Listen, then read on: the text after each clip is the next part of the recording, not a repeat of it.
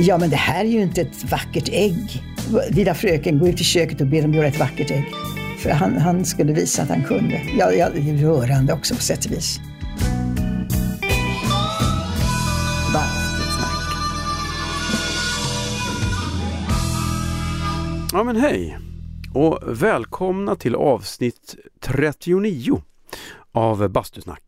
Podden där jag, David Granditsky, sätter mig i bastun med mina vänner och bekanta och ser vart snacket leder. Bastusnack presenteras i vanlig ordning av Tylö bastu. Tylö bastu är en självklar samarbetspartner när man har en podd som spelas in i bastun.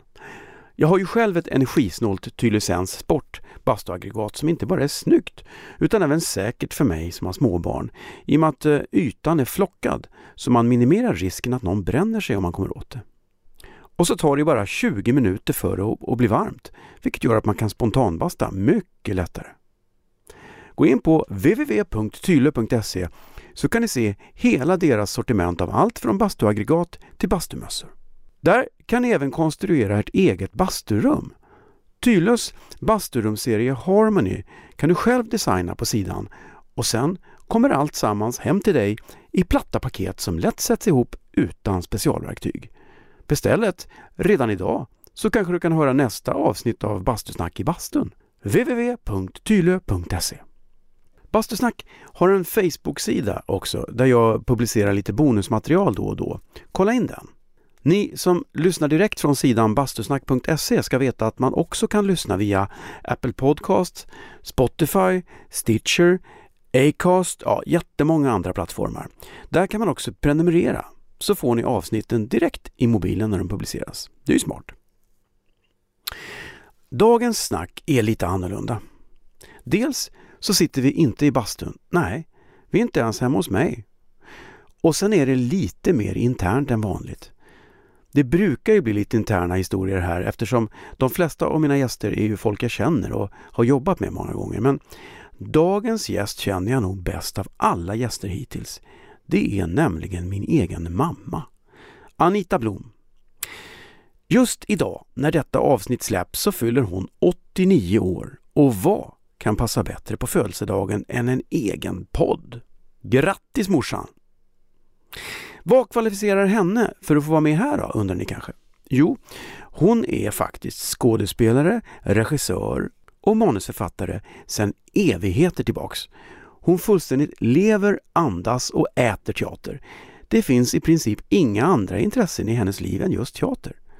Ni kommer att få höra mycket om turnélivet på 40 och 50-talet och om hur livet som skådespelare kunde vara på den tiden. Vi talar i princip bara jobb idag undantaget historierna från hennes barndomsår i Kina, Sydamerika och USA som är ganska spännande också. Det är medvetet inte så mycket snack om familjen här annat än när familjeliv och yrkesliv sammanfaller, vilket det ju faktiskt gjort en hel del. Vi talar om Palle, som ju var min far, skådespelaren och regissören Palle Granditsky. Vidare nämns också två av mina syskon, Rakel och Mikael.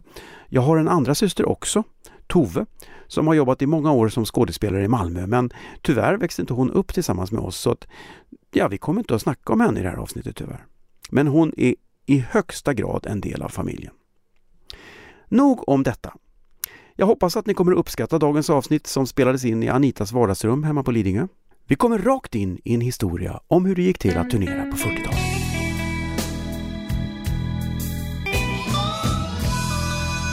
Bastusnack. Men jag har ju glömt också väldigt mycket så att till exempel att börja tänka på det där när du sa det häromdagen. Ja, men hur var det egentligen? Betalade man? Jag, ja, jag vet inte. Så det är det som är så dumt. Um, att jag kommer inte ihåg riktigt om man fick... Jo, första gången jag var på turné överhuvudtaget, va? då fick jag en lön vad var det, 700 kronor? Kan det vara det? Kan det 900 kronor kanske? Jag tyckte det var fruktansvärt mycket pengar. Och fantastiskt. Och så, ja, och det ingår då, då får du betala rum och sånt där för det. har mat, ja. Jag hade ingen aning, jag hade aldrig varit med. Visste ingenting. Vi skulle täcka allting. Och sen, ja, jag klarade mig bra. Jag till och med sparade pengar tror jag. För att, så åt man på mjölkbarer som det fanns då och eh, lagade mat i rummet, det fick man inte förstås. Man bodde ju sådär privat väldigt många gånger för ingenting, va? 15 spänn eller någonting. Men då hade man alltid en doppvärmare, hade man alltid. alla hade det. Och, och det var ingen som erkände det. Nej, vi har ingen, nej. För Jaha. att det tyckte de inte om att man hade. Jaså? Jag, jag vet inte. Om det Men var va? elektriciteten eller någonting, jag vet inte varför. I alla fall så var det så. Men så du, man fick ett erbjudande om att åka på turné med Riksteatern i, hur länge åkte man Nej, det var inte Riksteatern. Det var, Eller? det var, första gången var det Folkparkerna. Folkparkerna var det. Ja. Och hur lång var Det, en det sån? fanns Folkparkerna, Riksteatern och programbolaget fanns det också. Och programbolaget var också något med små turnéer. Alltså med småstäder eller sådär. Nej, jag, jag vet inte varför jag fick den där rollen. Jo, det fick jag därför att jag gick hos Gösta Terserus teaterskola och jag var, hur gammal var jag då? 17? Ja, 19 var jag. Och, eh,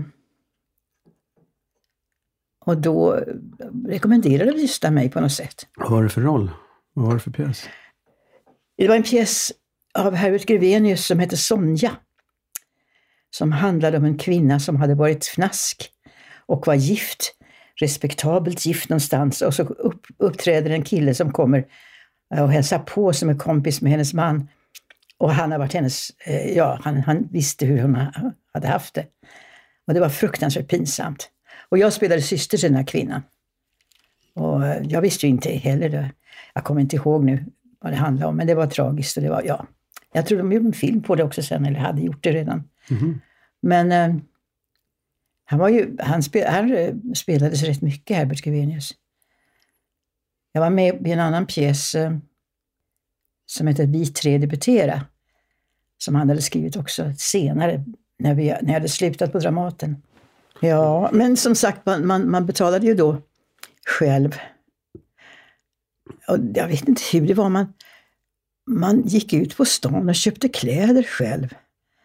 Eh, Det är klart att någon tyckte något om det förstås, men det var ingen som då sydde upp eller gjorde någonting sånt, utan man var ju, Man fick, fick man ersättning för det? ja det måste man ju ha fått. Ja, inte för att man provade, inte för att man gick ut och hämtade, utan, men jag tror inte man betalade kläderna, det tror jag inte. Men sen fick du en, en månadslön då, som skulle täcka? Ja, det var en, ungefär en månad, knapp månad, någonting sånt. Så det skulle täcka allting. Och jag kommer inte ihåg om det var Så boenden och resor bokade man själv? Oh ja, man, och det fick man ju väldigt mycket bra råd i varje liten stad, i liten håla och var man fan man var någonstans. Och väldigt ofta då på såna här, ja inte bed and breakfast, det fanns ju inte, eller det hette inte det, men alltså privata människor som hyrde ut vardagsrummet eller kanske gästrum, jag minns inte. Och man, man sov där bland alla kaktusar och grejer som de hade. Och, ja, det var... det måste betyda att om du fick en turné så, så fick du den i så pass god tid så du hann skriva brev till alla de här hyresvärdinnorna? Ja, men där man repeterade. Alltså, Ja. Vi träffades ju och repeterade i Stockholm. Vad kommer jag inte ihåg alls var. Men, men det gjorde vi och då fick man veta, ja men du, du kan skriva till den och den och se så och så. Det var, det var jättebra. Så man fick ju råd av de som hade varit med förr. Och resor, jo, bestämde åkte ni tillsammans att har ni åkt i buss? Okay, Tillsammans, ja. ja. Vi åkte inte tåg, det gjorde man förr, tidigare alltså. Mm. Men, men buss åkte, åkte vi. Nej, det, var, det var kul, det var fantastiskt alltså. Jag tyckte att oh, jag var så rik, det var så fantastiskt att tjäna pengar. Verkligen. Åkte ni långt? Åkte ni över hela landet? Ja, jag tror att, ja, det var där. Det var ju så bra för att jag hade ju bo- bott utomlands ända tills jag var 16 år. Och på det sättet fick jag se hela Sverige i flera omgångar. Ända upp i norr och långt åt alla håll och kanter. Så att jag lärde känna landet och det var ju, det var ju jä- jättebra för mig. Så jag vet var det ligger nu ungefär, sakerna i Norrland. Men, men för att man re, reser ju inte... Nej, jag menar man åkte ju rätt mycket då, runt hela landet. Alltså. Kul. Och spela på folkparker då? eller? Ja, folkparker var det. Mm. Och, och det var så roligt egentligen när man tänker på det efteråt att numera när man inte sminkar sig alls nästan, var man än spelar.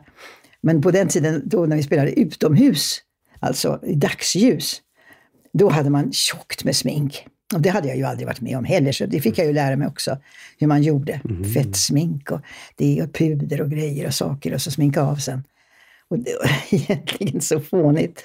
Men det var så bara. Men ni hade inget ljus med eller någonting? Utan det var Nej, vi, vi spelade på dagen alltså. Jag, Ingen jag, teknik. jag tror inte vi hade något ljus. Nej, jag kan inte minnas det. Dekor hade ni med? Ja, vi hade någon dekor. Ja. Som gick på någon lastbil då? Eller hade ni det i bussen? Nej, Ja, ni vet ha. inte om den gick för sig. Det, det kommer inte jag ihåg. Mm. Jag minns en gång när jag var på en annan turné. Ja, det var vi tre debuterade förresten senare. Då var det någonstans i, i fjällen, fast det var ju på sommaren så det var inte snö eller så. Men det var på något fjällhotell som vi fick rum där. Och då spelade vi då, de hade någon sorts sal där man fick spela med scen, någon sorts scen där de hade, vanligtvis hade orkester naturligtvis. Men, och då minns jag att de fick inte upp dekoren, men det var en dekor i bakgrunden, det var en bakgrund där i något sorts landskap och det fick vi spela mot då, var vi än hade. Jag minns inte riktigt, men det var ju, det var ju inomhus i pjäsen. Men jag satt ju på kontor och allt möjligt. Så Fast jag minns den där, den där fantastiska eh, dekoren då som inte, ja, det var helt real, orealistiskt. Men det var inget att göra, det fick inte, det fick inte plats alltså helt enkelt. The show must go on. Men så har det ju alltid varit. Jag har aldrig, jag vet inte hur många gånger jag, nej det är bara en gång tror jag i mitt liv som jag har ställt in för att jag var, att jag hade, jag fick njurbäckensinflammation och det var farligt sa de. Men det var anställd i Uppsala, att eh, då ställde jag in. Eller då kunde jag inte spela. Men annars har jag alltid spelat förkyld och allt vad du vill. Hostig och magkatarr och vad fasen allt. Det går ju, när man går in på scen känner man ingenting. Nej, sånt. det Nej. händer något. Ja, det är någon sorts koncentration som kommer automatiskt som gör att man inte, till och med med jättetandvärk, som jag minns i Borås vi hade, jag hade, fruktansvärt tandvärk. Eh, och in på scen, kände ingenting och så ut. Oj, vad det smällde till. Och så in på scen igen, och så, för det var någon sån där fars med ut och in med dörr- dörrar.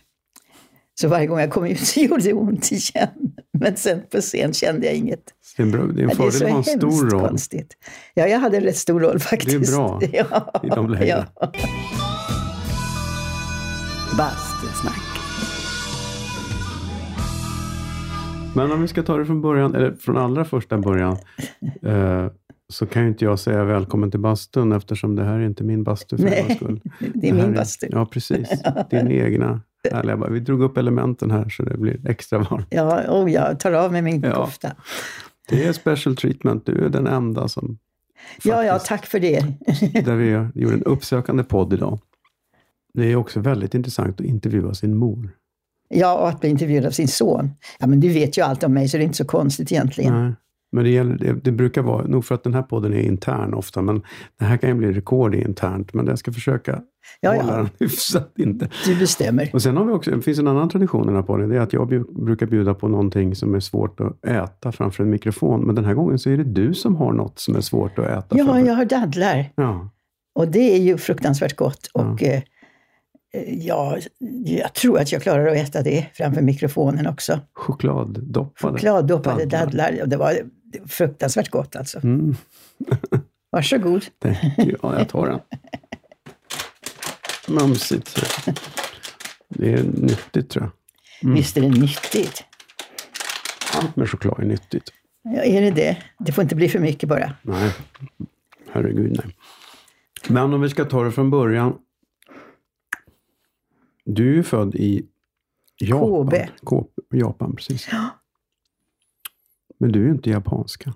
Nej, mina föräldrar är båda svenskar och vi har alltid talat svenska hemma. När, vi talade, när mamma försökte tala engelska så kände jag det så pinsamt så, för hon bröt ju på svenska. Så att jag svarade alltid på svenska och hon, jag tyckte det var så pinsamt. För jag bröt ju inte, eftersom jag hade gått i skola och allting på, på, eh, på engelska då alltid. Just det, det var alltid engelska skolor hela tiden. För ni Ja, nästan hela tiden. Bara några gånger i Sverige också, men någon halv termin här och en halv termin där. Mm. Ni flyttade runt ganska mycket va? Ja, det blev ju tre år. Pappa hade alltid tre års kontrakt tror jag, var han än kom. Eh, det var ju Svenska Tändsticksaktiebolaget.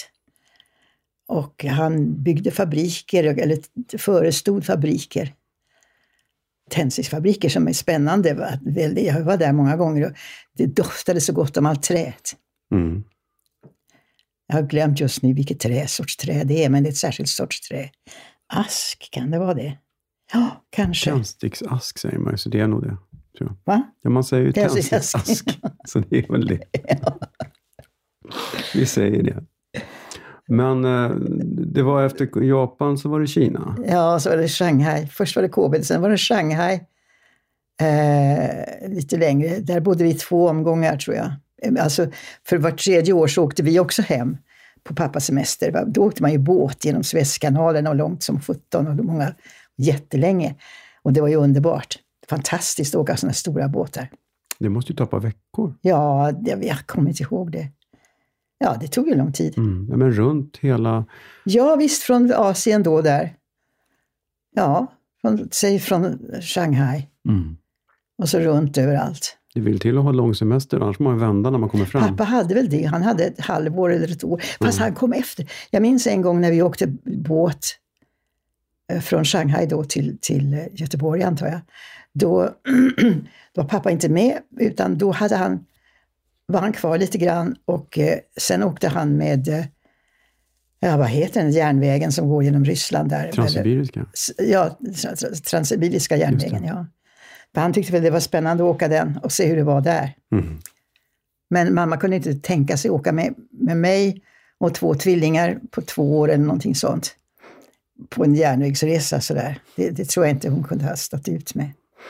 För nu är vi på 30-talet någon gång. Ja, just det. Mm. Det var innan man började flyga. Ja, det var inte en tanke på det. Nej. Och sen efter Shanghai så hamnade ni i Colombia. Ja, då var vi här först och så då blev det 39 någonting åkte vi. Faktiskt, kriget hade ju börjat då. Och när jag, när jag var ju bara tio år så att jag var inte klart för mig allt det där riktigt. Men jag minns att vi åkte från Sverige då, varifrån minns jag inte, om det var Stockholm eller om det var Jönköping där vi egentligen bodde. Men eh, åkte vi till Berlin, flög vi till Berlin.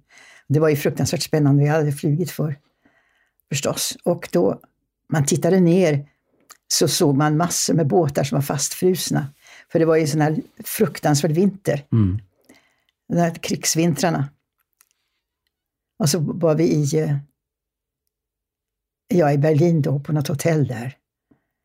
Och, Men det är 39-kriget har brutit ut och ni ja, är i Berlin. Ja, 39-40, någonting sånt där, någon gång på hösten där. Och, eh, och sen tog vi tåget ner eh, till eh, Genua, tror jag det var. Och där vi tog en båt till Colombia. Vilka resor. Häftigt Ja. att vara tio år och göra de enorma resorna. Ja, underbart. Ja. Jag älskade det där med att resa med båt. Det var fantastiskt. Men du märkte inte av kriget i Berlin då? Det kändes inte att det var... Nej, jag vet bara att det var ont om mat. Alltså man fick inte äta, man fick inte beställa allt vad man ville. Det var någon, jag vet inte, det var något fusk med, med vad det var för biff eller någonting som inte var en biff. Eller något sånt där, det, jag minns det väldigt vagt. Men jag minns att på tå- tågresan ner till Genua, då var tåget fyllt med tyska soldater, värnpliktiga, mycket, mycket unga Mm. som åkte med. Och vi satt i samma kupé som en som hette Herman, som hade sin mamma med sig ner till vart de nu skulle, som hade följt med honom då och matade honom med korv och grejer. Ja, det var så, och det hade man ju ingen, liksom, och vi, och vi, var ju, vi barn var ju indignerade, men herregud vad trångt det är. Vi har ju beställt den här kupén, det är ju våran kupé. Men, men då kommer en massa folk och sitter. Men det var ju naturligtvis, ja, jag, vi tyckte det var väldigt jobbigt alltså. Jag hade ingen aning om vad som hände. Nej, Nej. inte på det sättet alltså. Men det är klart, som barn kanske man inte upplever det på samma sätt. Nej, jag tror inte det. Och de kanske... Det var, det var ju inte klokt egentligen att åka rakt igenom på det sättet. Nej. På den. Det var väl en av de sista möjligheterna. Ja. Det hade väl inte börjat bombas då, antar jag. Nej. Så det var ju inte klokt. Och sen åker ni över Atlanten i en veck- Ja, ja, i flera vecka veckor förstås. Två. Ja. Hur långa- många veckor tar det? Nej, jag vet inte. Två, jag vet veckor inte kanske? riktigt. Det kanske är några veckor, jag minns inte det. Det måste varit stormigt. Ja, men jag var aldrig sjösjuk. Jo, en gång var jag sjösjuk. En enda gång i mitt liv tror jag jag varit det. Mhm. Och det var inget kul, men sen var jag aldrig det. Men eh, Och sen kom ni fram till Colombia, som ju då också var ett ganska exotiskt land om man kommer från Sverige. Ja, jag. fast, men det tänkte vi inte på. Det var ju lika, lika vanligt som att vara i Kina eller i Mm. Japan, som ju då man kan säga exotiskt. Men det var ju bara, jag minns att då hade jag ju börjat skolan och allt det där, så att jag, och då hade jag gått i svensk skola ett, ett, ett tag, en termin. Eh, och då hade vi, ja, vi köpte en, en sån här spansk grammatik. Och jag satt och pluggade det och uttal och sånt där. Va? Och det var ju bra. ja, jag var väldigt ambitiös med det. Ja, det kan du ju fortfarande ha nytta av. Ja, ja, jag kan förstå en hel del. Även om jag inte pratar så bra. Mm. Men Bogotá, det var... Det var en stor stad, Mm. det var den största staden. Uppe i bergen, högt upp. 3000 meter över havet. Ungefär. Verkligen. Med tunn luft och sånt där. Som, den där tunna luften kände vi barn inte så mycket av, men föräldrarna upplevde det som att det var ibland lite sådär tungan, svårt att andas. Efter Colombia så Ja, Skulle ja, du till USA? ett slag. Ja, det var, ett, det var sista året som de var där, eller som familjen var där. Så hade min skola, det fanns ingen klass eh, över någonting som kallades för ninth grade.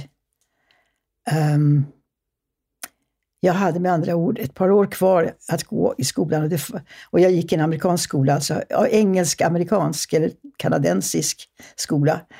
Eh, och de hade inte, det var inte, det var mest utlänningar som gick där. Mm. Och då fixade de, ehm, eller mamma och pappa, en internat var det, just det. I Washington DC. Jag minns att jag satt och tittade på massor med sån där, att man fick välja. Man skulle komma till New England eller Washington eller ja, det ena med det andra. Men jag fick en sorts stipendium till, till den där internatet i Washington, så då tog de det. Eh, för att jag hade så pass bra betyg faktiskt. Och jag fick hoppa en klass dessutom. Så jag slutade när jag var 16 år, Mm. relativt nyss fyllda. Där de andra, mina kamrater, var 18. För, för Mhm. alla. Men jag hade haft tur i Colombia, för att jag, det var väldigt små klasser. En gång minns jag, jag en, sista, en av de sista klasserna var att först var vi 13, sen var vi 8, sen var vi 5, sen var vi 2 och sen var jag ensam under året. Va? För det var utlänningar som åkte hem antagligen, tror jag. Jag vet inte. Så att jag var ensam och jag hade ju en himla tur med jättebra lärare Mm. på eh, engelska framför allt och, och eh, eh, franska. Så på det sättet jag lärde mig franska av någon som verkligen kunde det. Ja. Och, och sen så plötsligt så lärde jag mig någonting som jag hatade matte. För jag förstår mig inte på siffror, för- förstår mig fortfarande inte på siffror.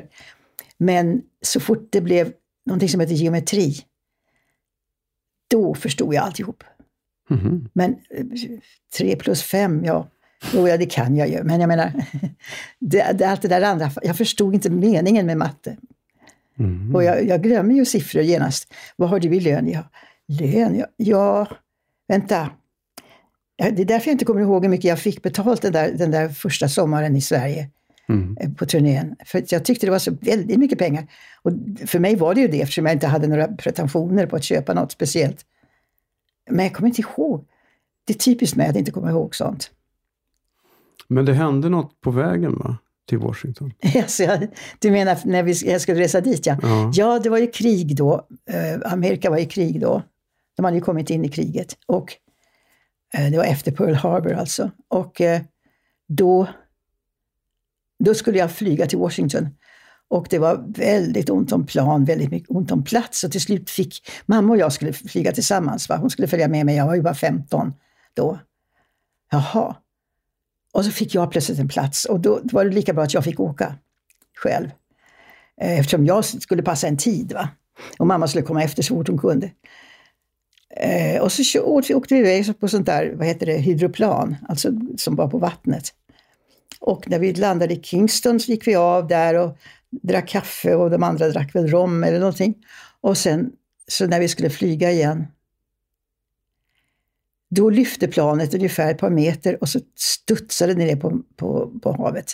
Och så lyfte det igen, pang, och så en gång, tre, fyra, fem gånger bara. Och jag glömmer aldrig alla passagerarna. Det var karlar som stod och knackade med käppar på fönstren, gick som inte går att öppna.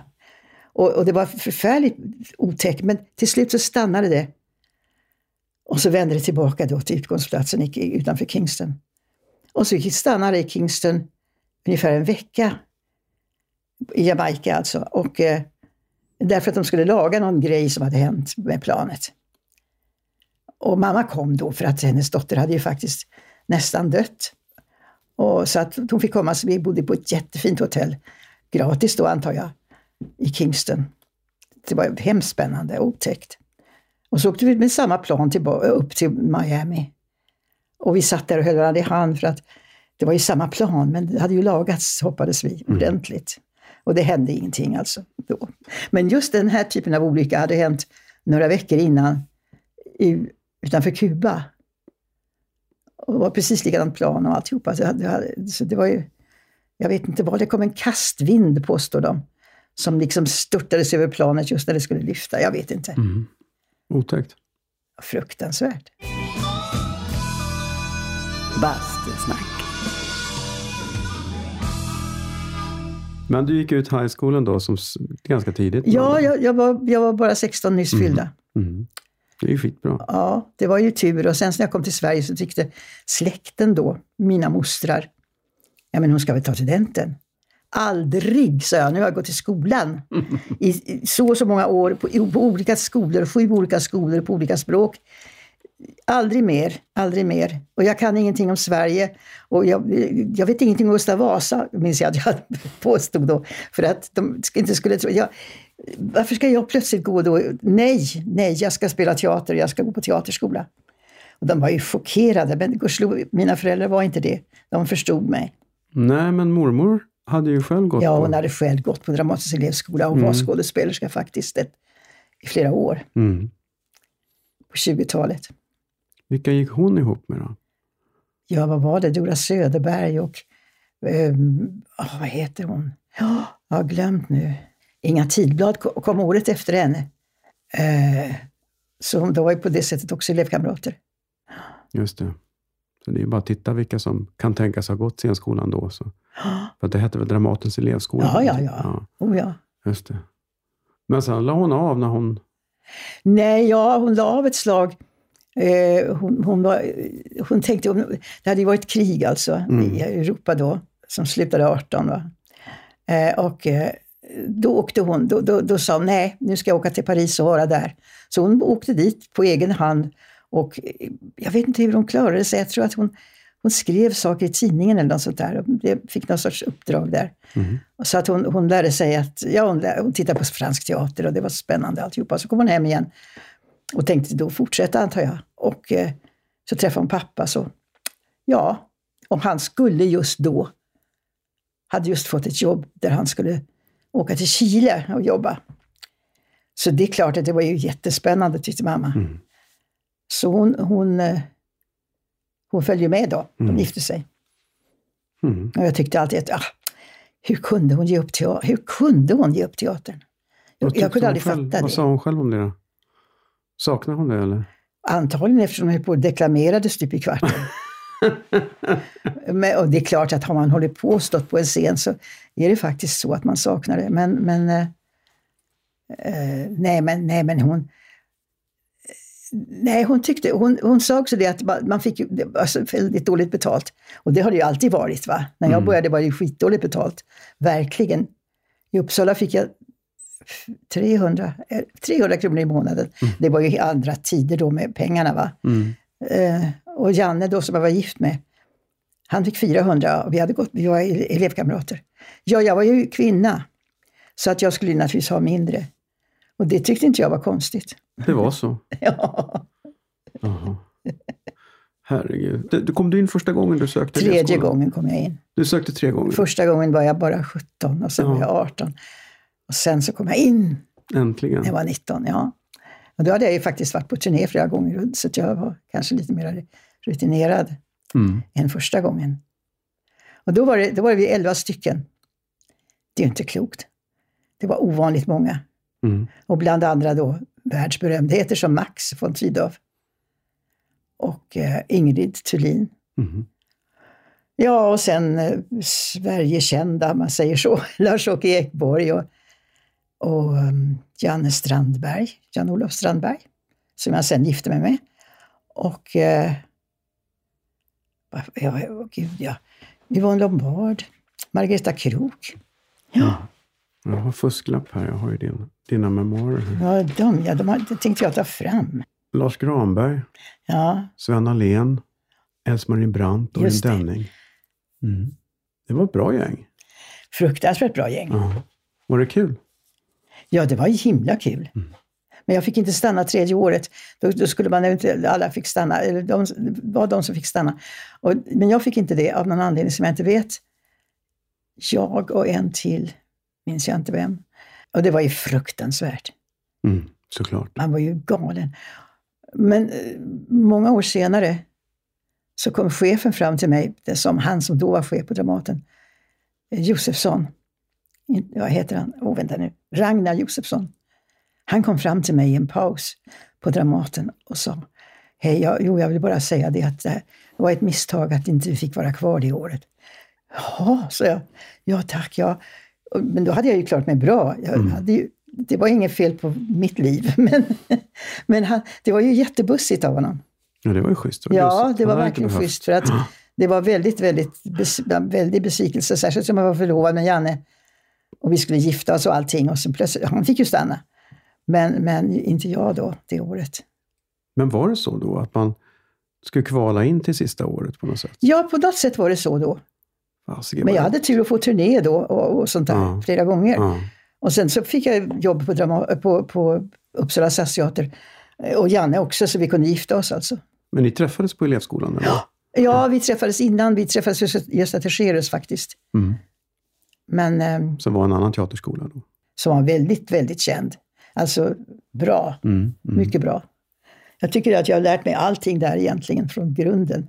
Jag var bara 17 år, eller ja, 18, 17, 18 år när jag kom dit. Mm. Och visste naturligtvis ingenting, men, men Gösta var jävla bra pedagog. Så den var bättre än elevskolan? Då? Ja, men jo, den var väl, elevskolan hade sitt. Det var ju olika sorters, man lärde sig olika saker. Alltså man hade då balett och så hade man hållningsgymnastik. Och så hade man, Hållningsgymnastik? ja, Jaha, för att man skulle få god hållning alltså? Ja, för att man skulle gå och stå på Ah. rätt sätt och det var ju jättebra att kunna det.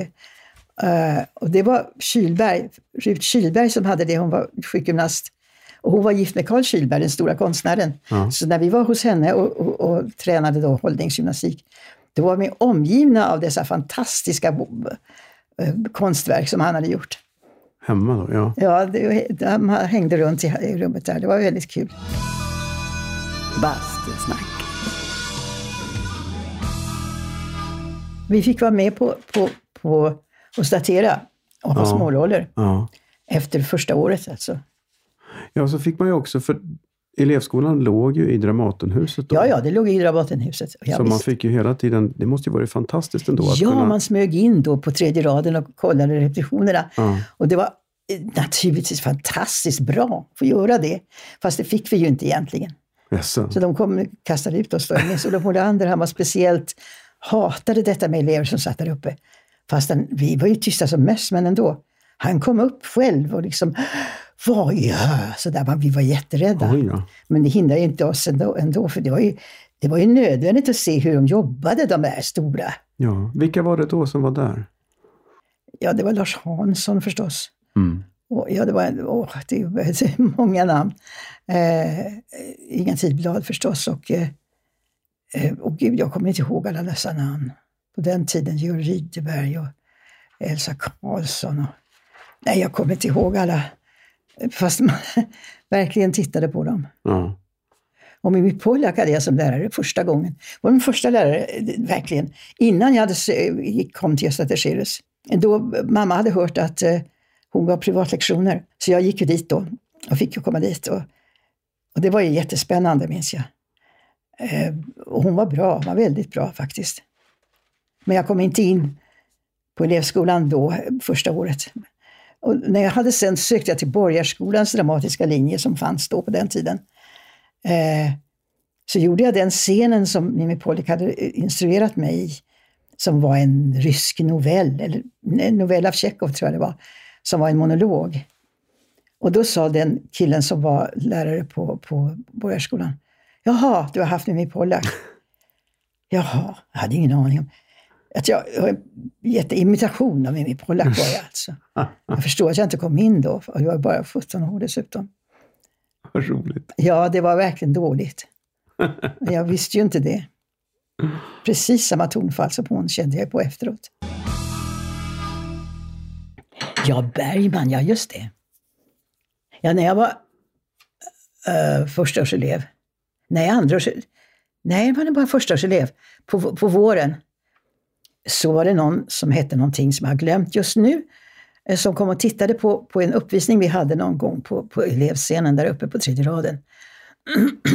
och så fick jag ett erbjudande att vara med i en film som heter Fängelse, som någon som heter Ingmar Bergman hade skrivit och skulle regissera. Det var den första filmen som han både skrev och regisserade, så vitt jag förstår. Och det, det var en dag bara. Och eh, det var jättespännande naturligtvis. Men, men då var jag en väldigt olycklig tjej i, i den filmen alltså, som var med barn och inte visste hur hon skulle hantera det. Eh, och jag satt och grät och så var Arne Ragneborn, eh, den killen som jag hade varit ihop med då. Och han tröstade mig. Det, det gick den scenen ut på. Och Bergman sa till mig, inga sådana där Dramaten-tonfall, lilla vän. Och jag hade ju inte varit på Dramaten, men ändå en termin plus lite till. Så det tycker jag, jag visste inte riktigt hur jag skulle hantera det, men jag gjorde så gott jag kunde. Jag försökte spela ner allting så mycket det gick, bara, nästan bara viskade. Och inga, vi skulle inte visa någonting. Eller, jag hade ju aldrig mitt liv anat, visste inte hur man gjorde. Nej, du har uppenbarligen plockat upp det ändå. Eller så var det så man skulle, jag vet inte. Nej, jag visste ju bara att man inte skulle spela så stort som man gör på en scen. Visste ju inte hur, man, hur litet man kunde och hur, Förresten så är det mycket enklare nu, va? för det är andra kameror tror jag, och andra sätt att göra det på. Mm. Men, men, då, men det var skitkul att vara med alltså. Mm. Det var det ju. Mm. Jag tycker alltid det är så kul. Ja. Men det tycker inte jag. Det är i alla fall jag som ska föda ungen. Du, inte ska du tjuta. Du ska vara glad. Så. Jag, jag är ju glad. Det kommer du också bli bara du tänker efter. Fan, alla får ju ungar fyra månader efter vik. Det är ju det är nästan kutym eller vad det heter. Typ. Du, jag ska vara så snäll mot dig. Men annars har du mest stått på, på scen? Jag har bara stått på scen egentligen. Ja. Det har jag faktiskt nästan bara gjort. Jag hade gärna filmat mer, men det är inte lika, lika kul, tycker jag. För att man har ingen chans att påverka något. Jo, det är klart man får påverka sin roll, men, men i, i slutändan så är det regissören som gör allting där mm. och bestämmer allting. Man klipper bort, man klipper in eller man gör någonting sånt. Och det, det, ja, det ska vara att man verkligen trivs framför en kamera och det, det har jag aldrig gjort. Så det, eh, jag tycker att, att, att ha en, en roll och stå på scen och repetera i sig en månad, sex veckor. Och, komma, och så kommer man in där och så är det är jag som bestämmer. Publiken, antingen är med mig eller inte och så vidare. Och så vidare. Det är bara jag som bestämmer just i det ögonblicket. Fast det är klart, man är man har jobbat in sig, alltså man gör ju som, som det är överenskommet, men man känner sig då fri. Att nu är det jag som bestämmer liksom. Mm. Det är min grej det här nu. Och det är det som är både fruktansvärt obehagligt och nervöst och samtidigt härligt. Mm. I vissa lägen är det helt underbart och i det andra är det jobbigt. Men vad gjorde ni när ni inte spelade teater då? Alltså elevsk... Folk som går på scenskolan har ju en förmåga att vara ute och, och på krogen jämt när de inte är i skolan. Var, var det så då också? Eller? Nej, väldigt lite. Väldigt lite. Janne och jag var, vi var ute då och då på Berns tror jag. Och, och då, då, fick jag dricka något som heter konjak och sockerdricka som jag aldrig... ja, det var ju rätt gott faktiskt.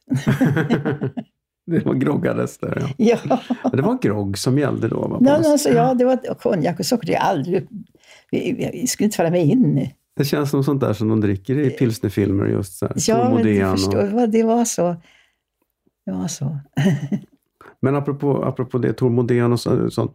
Vi var inne på, du, du jobbade ju faktiskt med, med Bullen Berglund som är Ja, ja. Bullens pilsnerkorv ja, ja. faktiskt. Ja, visst stod jag. Det är stort. Han var en, han var en stor och märkvärdig skådespelare. Mest, ja, det är film han gjorde mest. Uh-huh. Han skröt alltid med att han hade världens mest naturliga replik och det hade han säkert också. Det tror jag han hade när jag tänker, när jag sett det på, på tv någon gång så jag tänkte ja, han hade det. det mm. Men annars var han väldigt sådär självupptagen på något sätt. Som, ja, inte så roligt egentligen. Matglad. Ja, visst, jag kommer ihåg det. Han beställde på restaurang där, där man, om man råkade vara tillsammans allihopa någon gång.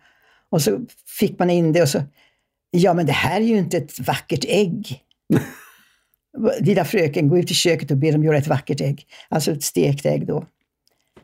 Och det var sådana här pinsamma saker som han, han skulle visa att han kunde. Ja, ja, det är rörande också på sätt och vis. Jobbigt. Ja, men det var det, då var det jobbigt. Men, men, men sen efteråt så tänkte jag, ah, vadå? Det var ju mm. fånigt bara. Du åkte någon gång med, med Jarl Kulle när han både var inspicient och skådespelare? Ja, ja, då. När var det? Det måste ha varit när jag... Ja, just det, det var efter elevskolan. Mm. Eh, och jag kommer inte ihåg vad det var för pjäs alls.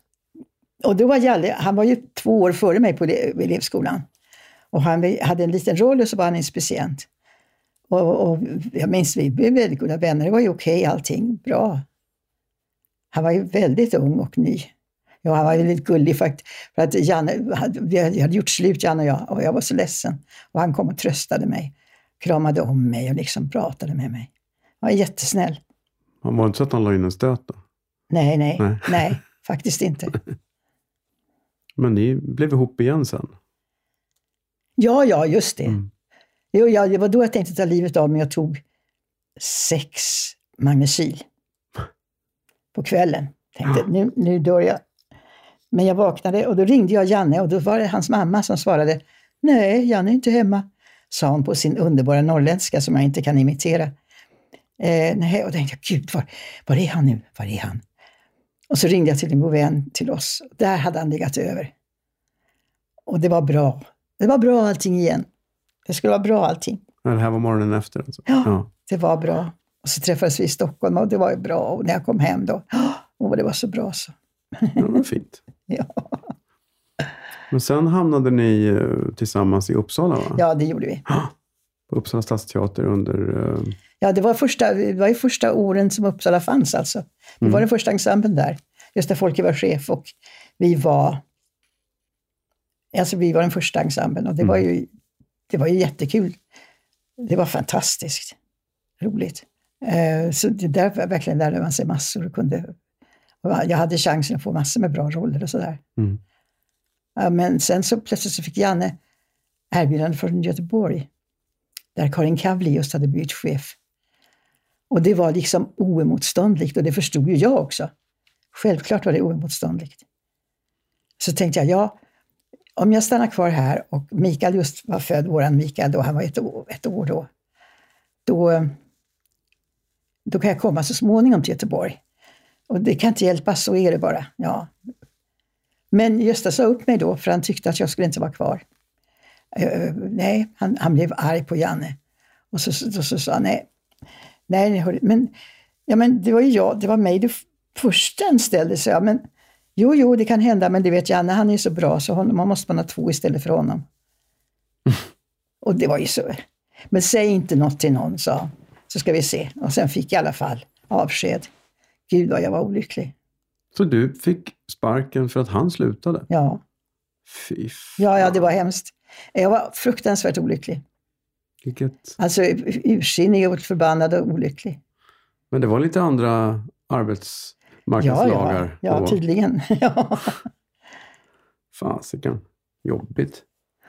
Ja, Men ja. vad gjorde du då, då? Hamnade du i Göteborg också? Ja, vad fan ska jag göra? Det är klart jag mm. till Göteborg också. Vi hade ju mm, Mikael och Janne.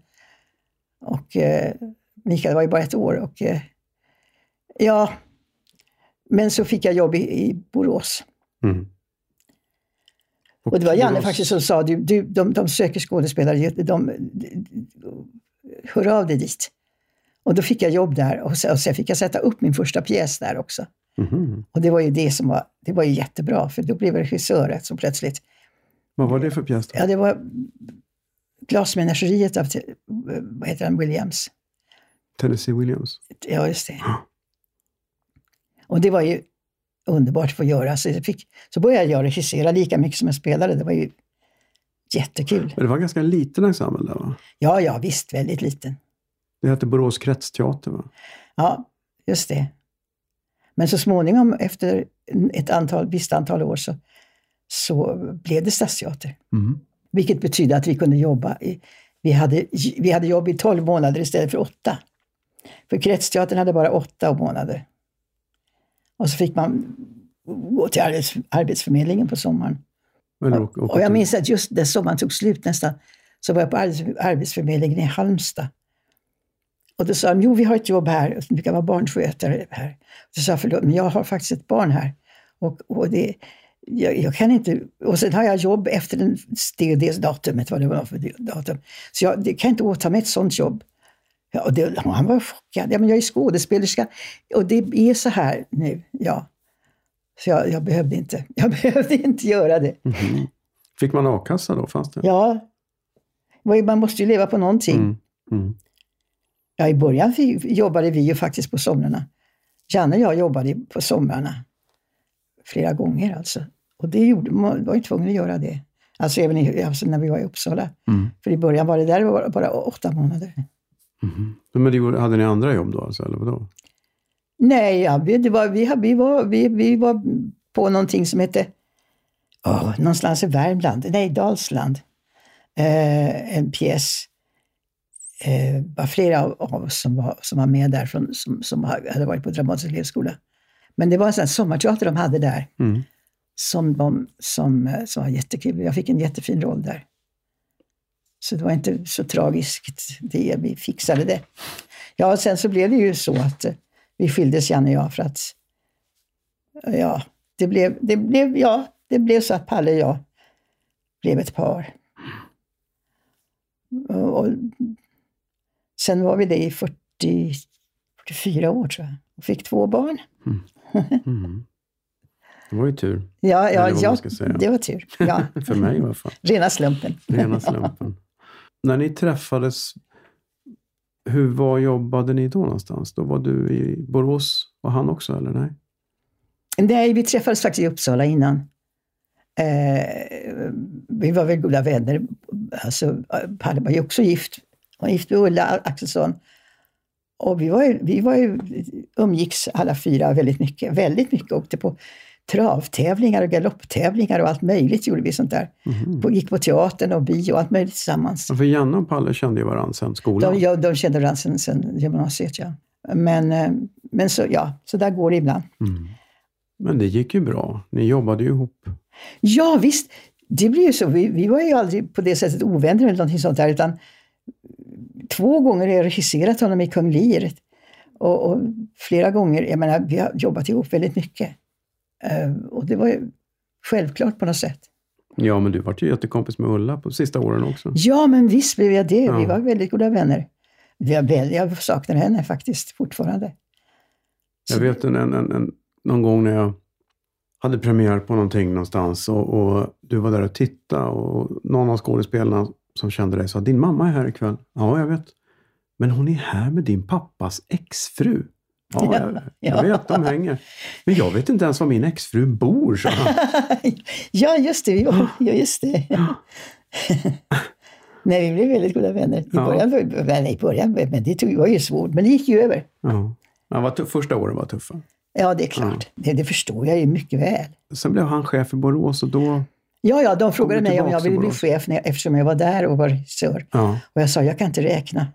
Jag kan inte bli chef. Jag kan inte fixa ekonomi. Jag vet inte hur man gör. Jag, min egen ekonomi har jag alltid fixat, men bara tanken på att ta det ansvaret. Men jag vet en, sa jag. och det var Palle då som var i Uppsala och inte trivdes särskilt bra där. Nej. Och så fick han det. Så han blev chef där. Det var ju bra. På det sättet kom vi ja, ihop på riktigt. Och sen hamnade ni i Uppsala igen? Ja, ja visst. Mm. Han fick erbjudande att bli chef där och, eh, och, vi var, hela ensemblen från Borås åkte dit tror jag. Mm. Jag, vi, jag tror vi var med alla. Han tog med hela gänget? För han blev chef? Och... Ja, jag tror han gjorde det för att han som slutade i Uppsala, om, jag har nu glömt hans namn just nu. Inte Gösta Folke? Nej. Nej. Han tog med sig sitt gäng Jaha. Och eh. Så att det var bara några kvar där mm. då när vi kom, som, som fick vara kvar förstås.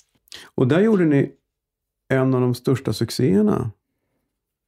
Palle och jag, ja. Ja, Ja, de som, det, det var verkligen fantastiskt att göra en sån, som, få vara med om en sån grej, att, att det gick så bra.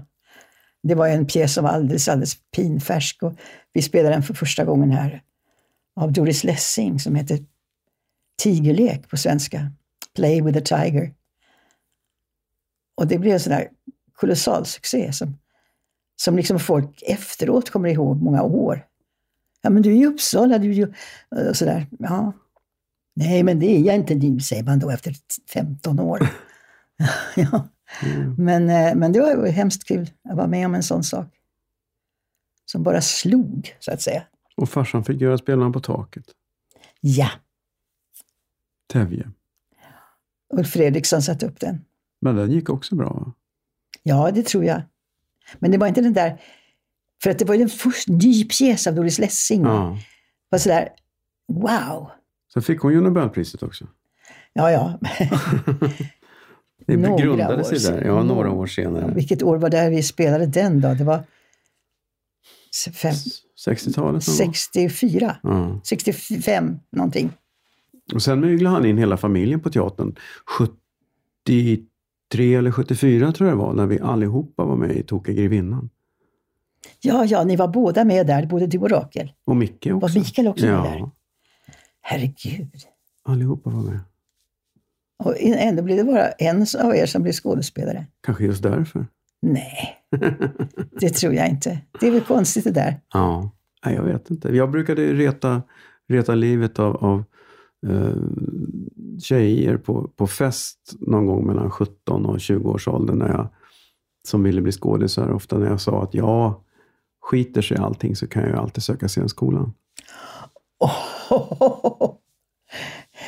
Fy Det togs alltid från folk som var riktigt sådär inbitna. Och, Ja, men det förstår jag. Jag blir ursinnig när jag hör det. Eftersom teater är det enda som är riktigt roligt. Nej, det är inte riktigt sant. ja, jag tror att det är för sent nu faktiskt. Jag tror inte jag kan söka. Jag tycker inte du ska söka. Jag tycker inte det. Nej. Jag tror inte du kommer in. Nej, jag tror inte det heller. Jag tror att gränsen går någonstans runt 30 plus. Ja, minst sagt. Men Uppsala, sen slutade farsan i Uppsala och du var kvar. Det var inte så kul va? ja, jag skulle... Eh, han fick, ja, det var jobbigt alltså. Det, det var 60, 69, den där hemska åren när inga, che- inga chefer skulle finnas egentligen. Det kände man ju verkligen av. Även som teaterchefsfru så kände man ju av det. Ja. Så det var svåra år där med, med någon sorts För han slutade 74 Och då, tror jag. då 73, upplevde han 74. att han, det var ingen idé att kämpa på det sättet. För man förstod inte riktigt. Åh, för allt vad man gjorde var, egentligen var fel. Alltså, det var jättemycket svåra saker att gå igenom. Att uppleva att folk liksom blev tysta när man kom in i logen och sånt där. Och det, och det var den där, hela det där med att man inte skulle... Ja, ja, ja, ja det, var, det var faktiskt jobbigt. Jag kan inte förklara det bättre. Eh, och då, då, då, ringde, då ringde Palle faktiskt till Erland Josefsson och frågade, tror du jag kan få komma till din teater?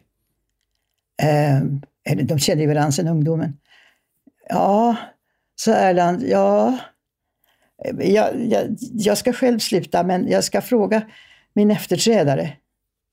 Jaha, sa han, ja okej. Eh, och jag sökte inte, för jag sa, de tycker att jag bara får roller på grund av att du är chef. Nu ska jag fan i mig sluta. nu ska vi inte jobba mer tillsammans. Vi jobbade ju väldigt mycket tillsammans, regisserade varandra och spelade ihop också.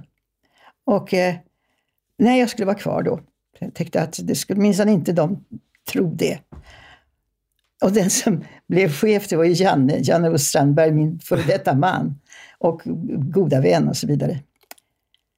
Så att, eh, men jag sökte faktiskt inte. Eller ingen, nej. Och det ångrar jag på sätt och vis, därför att det var, det var jobbiga år det där. Men jag fick ju göra en massa saker. Och framförallt så fick jag jobba med, börja jobba med Mikael. Som, de, han var med i någon sorts barnteaterkör. Och han var vid det laget, hur gammal han har varit? 15, 16, 17. Ja, någonting. Och eh, jag fick regissera dem och, och sen så skrev jag pjäser åt dem också. Och det var ju fantastiskt. Och på det sättet så började han jobba med teater på riktigt. Och vi sa, både Janne och jag sa till dem att nu måste du söka scenskolan. Aldrig i livet, sa han. Jag söker inte scenskolan. De, det är sådana där som bara vet allting om teater. Jag vill inte träffa, jag vill inte vara med. Han, han skulle gå sin egen väg och det gjorde han. Han gick aldrig igenom någon scenskola. Men han blev ju lika bra för det. Eller han, ja, han blev ju skitbra. Men det var det roliga med den tiden, att jag fick göra det. Jag tror jag skrev tre pjäser åt dem. Det var jätteroligt. Sista åren kommer jag ihåg att du tyckte det var skitjobbigt. Ja, det var väldigt jobbigt för att det kom en ny chef, nya chefer som, inte, som jag inte kunde prata med, som inte var... Men sen kom det en väldigt bra chef, som, för, mig, för mig bra chef som person och det var eh, Staffan Olsson. Han, han, han, han sa, ja de snackar skit om dig, jag vet det. Men jag vill själv se. Så jag fick ju göra saker och det, och det var ju liksom, han var, han var schysst alltså. Mm. Han förstod min situation. Där jag då plötsligt inte var en person som inte... Jag inte... Åh oh, gud, det var hemskt. Men det gick ju över det där, gudskelov. Eh, sen. Men jag sa, varje gång jag träffade Staffan sen har jag sagt, du har räddat, räddade mitt liv den gången. Jag trodde jag skulle bli tokig. Va? Usch ja. Men jag jobbade ju hela tiden ändå. Vi ville inte ha Anita som regissör, nej. Och ändå blev det så att jag gjorde det. Mm. Jag menar, ja, det blev så. Bastusnack. Sen blev han chef i Helsingborg och då tog han med dig. Ja, just det. Sen blev, där blev jag chef i Helsingborg. Och då hade jag, vad hade jag gjort under tiden? Det kommer jag inte ihåg just nu. Ja, du var i Uppsala. Jag var kvar i Uppsala, ja. Men mm. jag slutade där. Jo, jo, vad jag gjorde var att jag sökte att bli eh, lärare i scenframställning i Malmö. Det, var en, det, var en, det annonserades efter det. Och och då blev jag det. Jag var där ett halvår. Just det. I jag träff, då och då träffar jag folk som har haft dig som lärare. Ja, ja, jag förstår det. Jag hade förstaårseleverna. Ja, då hade du... Carina, vad heter hon? Carina Lidbom. Lidbom. Ja. Och... Eh, ja, ja, men vänta nu här. Maria Kulle, men hon var inte, jag jobbade inte med henne, men hon var där. Alltså då mm. jag kände henne då. Mm. Men jag gjorde det för att jag, jag sa det till Palle, jag måste, jag, nu, nu säger jag upp mig på Uppsala och, och eh, så jag, jag skurar hellre i Konsum, minns jag att jag sa. Varför jag tog till det så fruktansvärt. Men i alla fall, jag skurar hellre i Konsum än att jag är kvar där. Ehm, så att jag var rädd för att han skulle tycka att, vi, jag menar det var ju också det att vi, vi hade ju två löner, vi var ju beroende av det, vi hade ju flera barn och allt det där. Så att nej. Men eh, sen blev Palle då chef i Helsingborg och då sa jag att får jag följa med då? Ja men du vill ju inte jobba med mig. Jo det vill jag visst det, så jag. Vad dumt du är, det är klart jag vill jobba med dig. Men det var ju så jobbigt då. Ja, och så fick jag komma då. det är klart att, ja det var ju Och själv. direkt så blev det ju, jag kommer ihåg första sidan i Helsingborgs Dagblad om nepotismen på Helsingborgs stadsteater. När, när jag satte upp Kung Lear, mm. då, var, då, var, då, var, då var det Janne som gjorde Kung Lear. Mm. Och Palle gjorde Gloucester. Och Mikael gjorde Clownen. Och Katarina som då var ihop med Mikael gjorde Goneril. Mm. Och eh, var det någon mer? Ja, det var i alla fall, alla var släkt. Eh, och det tyckte vi, vi, vi, vi skröt med det. Men det blev en stor succé och utsålt hela tiden. Mm. Och jag satte ju upp också Kung Lir i, i, i Uppsala med Janne som Kung Lir och då gjorde Palle clownen.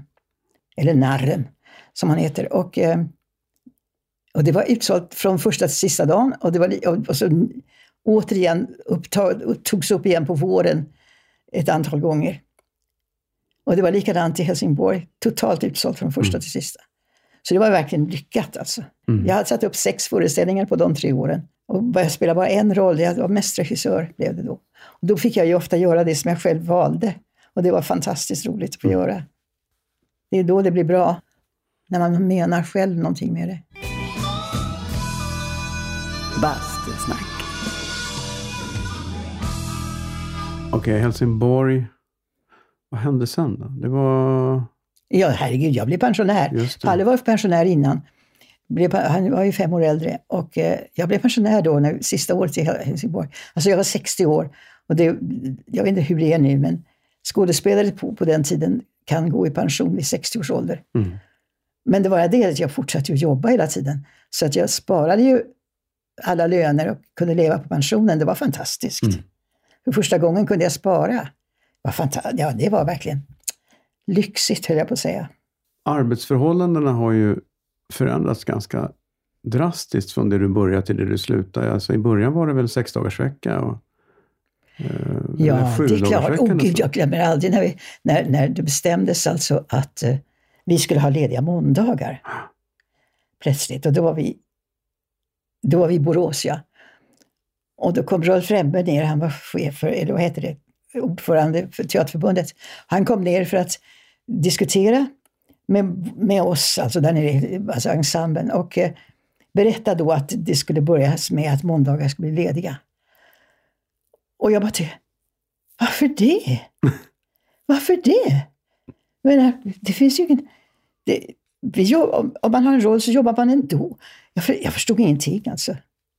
Sen förstod jag ju bättre att det faktiskt var bra. Men eh, Men ni jobbade alltså sju dagar i veckan fram till nej, dess? vi hade... Ja, ja, det gjorde vi nog. Eh, vi hade ju inte matiné varje söndag till exempel, så att vi var ju lediga ofta då. Alltså. Så det var, det var inte, men det var en liten teater. Bastusnack. Vilken tycker du är den bästa regissören då? Eh, nu eller när eller då. Som du har jobbat med alltså? som jag jobbat med. Ja, Palle gav mig väldigt mycket som regissör. Jag förstod alltid, han förstod alltid vad jag menade och han, jag, förstod, jag förstod vad han menade också. Så jag tror att för mig var Palle väldigt bra. Inte bara för att vi var kära i varandra, utan därför att vi förstod varandra alltså. Jo, men det är klart att jag har träffat många. Men, men jag har aldrig jobbat så nära med någon som, som Palle. Och det blir ju så då. Det är det man minns mest alltså. Jag tyckte det var så fascinerande med er hur ni kunde... Ni var ju ganska hetlevrade i jobbet båda två. Ni kunde ju stå och skrika åt varandra. Var Och sen åkte ni ja, hem och käkade middag och då var det som att det aldrig hade hänt. Det tyckte jag var helt fantastiskt. Ja, det var nog så. Det är sällsynt, tycker jag. Men sen har du ju jobbat, sen, du har inte slutat jobba. Du gjorde ju en film så sent som för ett år sedan bara. Ja, ja, det var roligt. Jag började filma lite grann sen, de sista 10-15 åren, konstigt nog.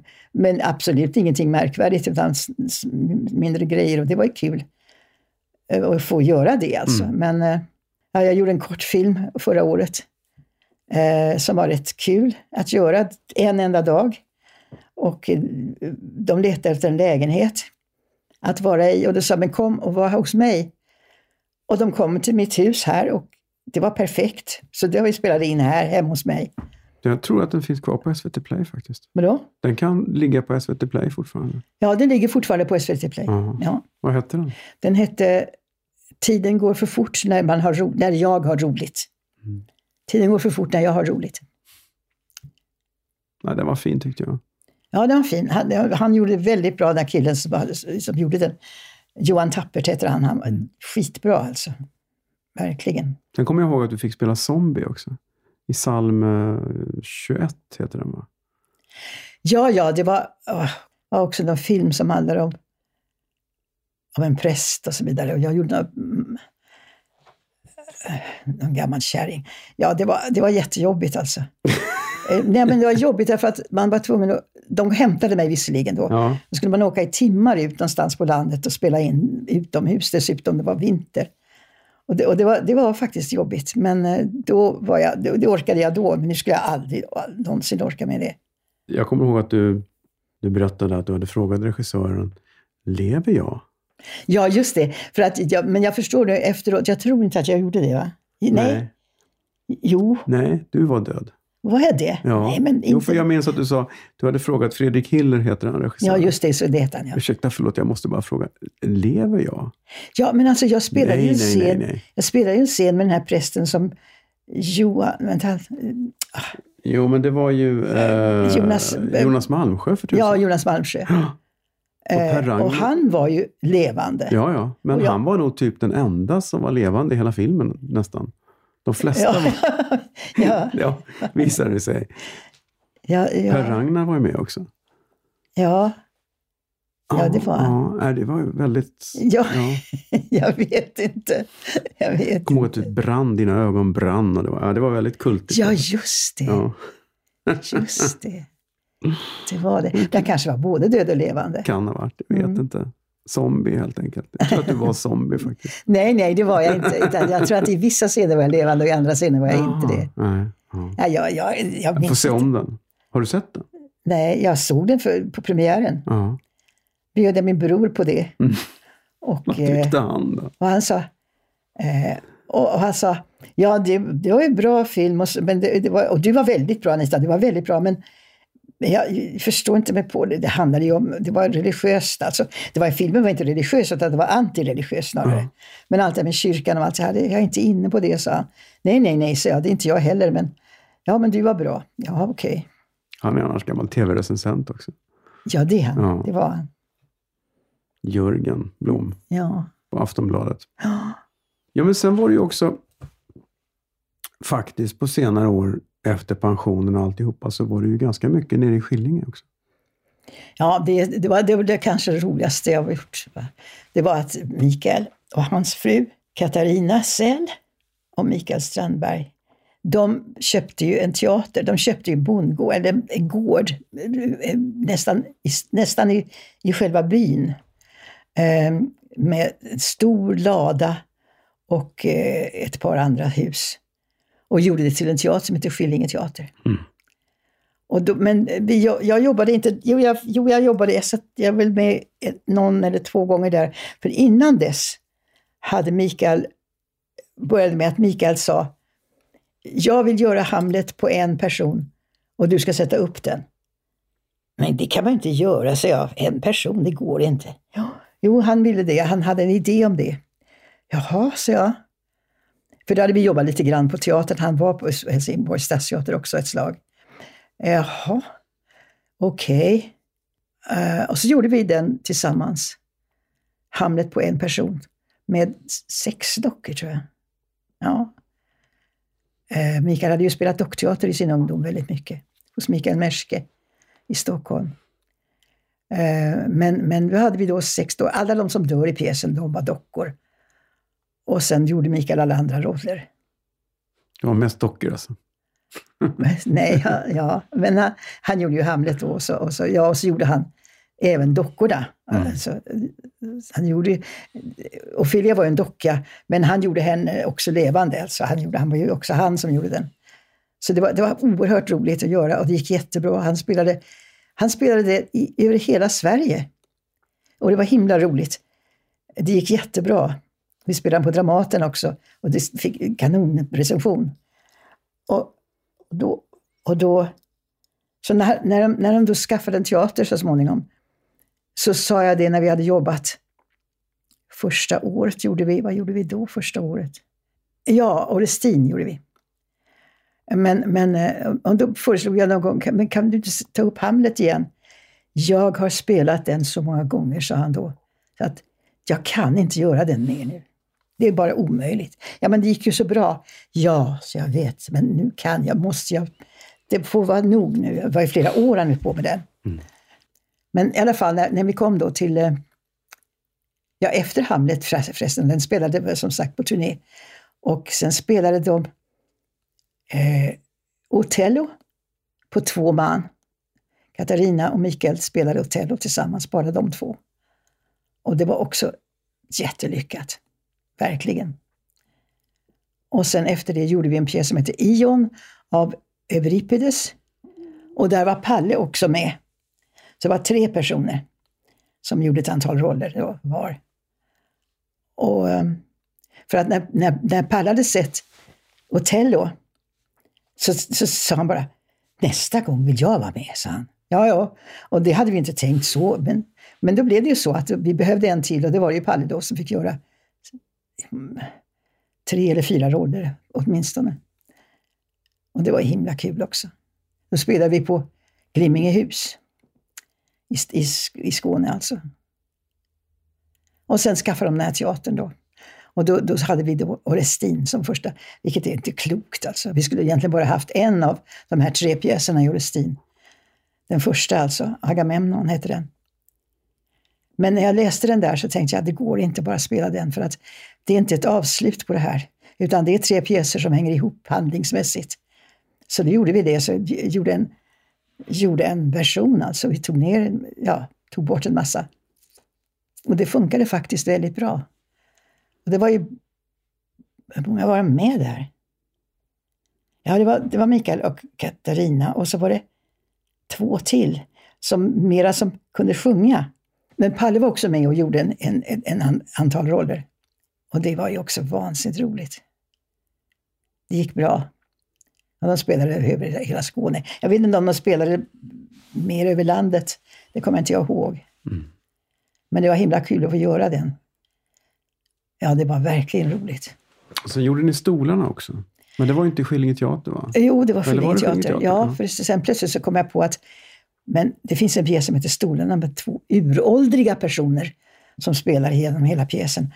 Bara de två. Och sen 102 och 104 år. Jag kommer, de, de är jättegamla alltså. Och då, och då sa jag till Palle, vi måste få göra den här. Ja men nej, nej, var ska vi då? "Ja, Jo Mikael, och, så, Mikael vi måste få göra stolarna här, vi måste. Och du får sätta upp, för Mikael sätta upp. Va? Han har satt upp förut också ett par gånger. Ja, då blev det så. Jag var väldigt insisterande på det. Och det är jag så glad för. Och Palle gjorde en nyöversättning. Och det, den gick funka väldigt fint. Och så spelade vi den och det gick jättebra. Och vi turnerade det överallt med den. Ni var i Paris med den va? Nej, vi var i eh, England, vi var i, vad heter det? Ö, Canterbury. Canterbury var det. Mm. Så att, nej, det var faktiskt underbart att få spela den. Men jag hade för mig att ni var i Paris. Med den. Nej, men, nej, annat? men eh, Mikael var i Paris, alltså Skillinge teater var i Paris och spelade en annan pjäs, en Molière. Mhm. Ehm, den inbillningssjuke, det, det, vad heter det? Hypokondern heter den. Mm. Ja, eller den inbillningssjuke. Spelade de. Det var, det, det, det, det var inte jag med om. Men jag, vi, vi var där och tittade på det. Mm. Ja, det var ju samma, det var ju samma år han dog. Det var 2000 va? Ja, det var samma år han dog. Ja. Ja, men det var ju fantastiskt att man fick uppleva det. Nej, men var det verkligen det? Ja, Därför att jag- jag han ett- spelade ju med Janne också någonting. Ja, Karlavagnen va? Nej, vad hette den? Nej. Vintergatan. Vintergatan. Han spelade Vintergatan. Det var det året han dog. Men det kanske han spelade Vintergatan Ja, efter. ja, Ja, det gjorde han det gjorde han nog. För Ja. att jag eh, har foton från Bofinger där som var i januari Ja. Oh, det året. Men han spelade Vintergatan med Janne. Var det på Skillinge teater också? ja, ja, det var det. Ja. Så han spelade med alla sina föräldrar sista året kan man säga. Ja, visst. Det är fantastiskt. Men vänta, jag spelade aldrig mot honom. Spelar du aldrig mot honom? Nej, jag bara re- regisserade. Ja, det i så fall var det Tokiga grevinnan då. Den där gången när vi Ja. staterade alla tre. Men det var inte... Nej. om vi ens hade en scen Ja. tillsammans. Fantastiskt. Nej, men jag regisserade honom flera gånger. Ja. Och sen regisserade han oss då. Och det var ju jättekul. Mm. Ja, för att han sa det sista året där så sa han det någonting innan han blev sjuk då. Att, ja, jag ska göra, jag ska göra, jag ska fortsätta göra andra saker också, sa han. Och jag, han menade regi antar jag. Mm. Eller skriva också och sånt där. Jag vet inte riktigt. Men vi pratade aldrig mer om det. Han tackade ju nej till så mycket vet jag. Jag kommer ihåg att han tackade nej till alla möjliga tv-serier och Dramaten-roller. Ja, och, visst. De frågade om jag ville bli chef någonstans, var det nu var. Norrköping tror jag. Var det inte Västerås? Nej, jag tror, Var det ja. Norrköping? Ja. Nej, men han ville bara göra sin grej. Jag tycker det var Han fantastiskt. vill göra sin egen grej, ja visst. Det gjorde Ja. han ju också. Han alla var så år. långt från karriärist man kan komma. Ja, visst.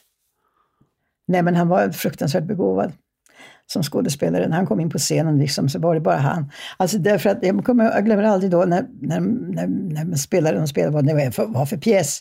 Vilket där han ju naturligtvis nästan alltid var med. De var ju båda nästan alltid med. Eh, så kunde han komma in och publiken satt där och väntade på att det skulle börja.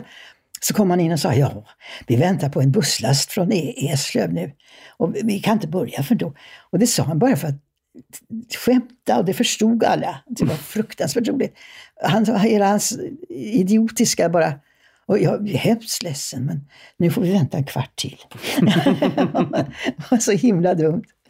Men sådana där saker, men han hade oerhörd publikkänsla. Ja, det finns mycket att prata om. Vi har egentligen börjat prata jobb och så, men det är... Ja, men det har ju varit då Det, Det ju- viktigaste. Ja, det är klart barnen. Barnen, Barnen. förstås har varit viktiga. Det kan man aldrig neka till. Det brukar du säga, men jag har aldrig trott på. Det har du visst det. Ja, en enda gång har jag åkt på, på sån här resa, skidresa som just nu dina barn har varit på med sin mor, På sportlovet. sportlovet. Eh, En enda gång har jag gjort det, har varit, varit ledig just den tiden. Ja. Och då åkte vi upp till Leksand Mm. med skidor och allt. Vi körde upp. Och en, vi tog en tur när vi kom upp, eller första dagen. Sen var det tö hela vägen. Mm. Det blev aldrig, det blev aldrig någon skidutflykt. Nej. Det gick inte helt enkelt. Nej. Så ja, Nej, alla klasskompisarna var ja jag vet. iväg på alla lov, men vi var alltid hemma för Ja. vi skulle alltid jobba. Vi, det var somrarna som var lediga. Ja, det var ju det. Somrarna var långa. Ja, ja, det var de. Men tack för att du kom. Jag fick komma till din bastu. Ja, ja den här bastun är ju varm och skön. Det är ingen isvak. Jo, men du har ju en pool. Man kanske kan hacka hål Nej, i men isen det är där för och ta mycket snö och is på. Det går Ja. inte att hacka. Fan, annars den. kunde, man ta ett inte. dopp där. Ett isvaks... Man kan inte se att det är en pool nu för att snön ligger över allting. Nej, det ser mest ut som någon sorts jättestor rabatt med ett snöre runt. Ja, just det. Och varför har de snören där? Ja,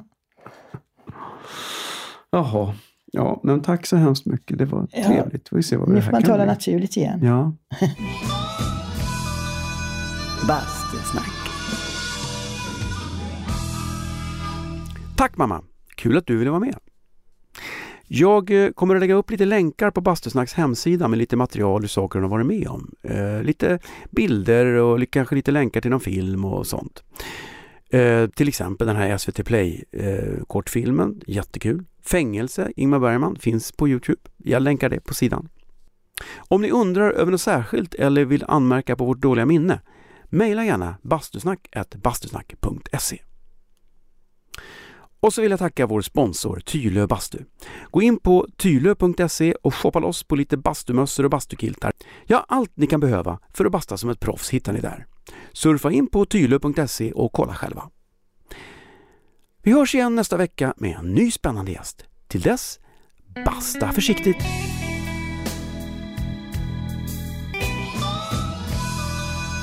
Bastusnack.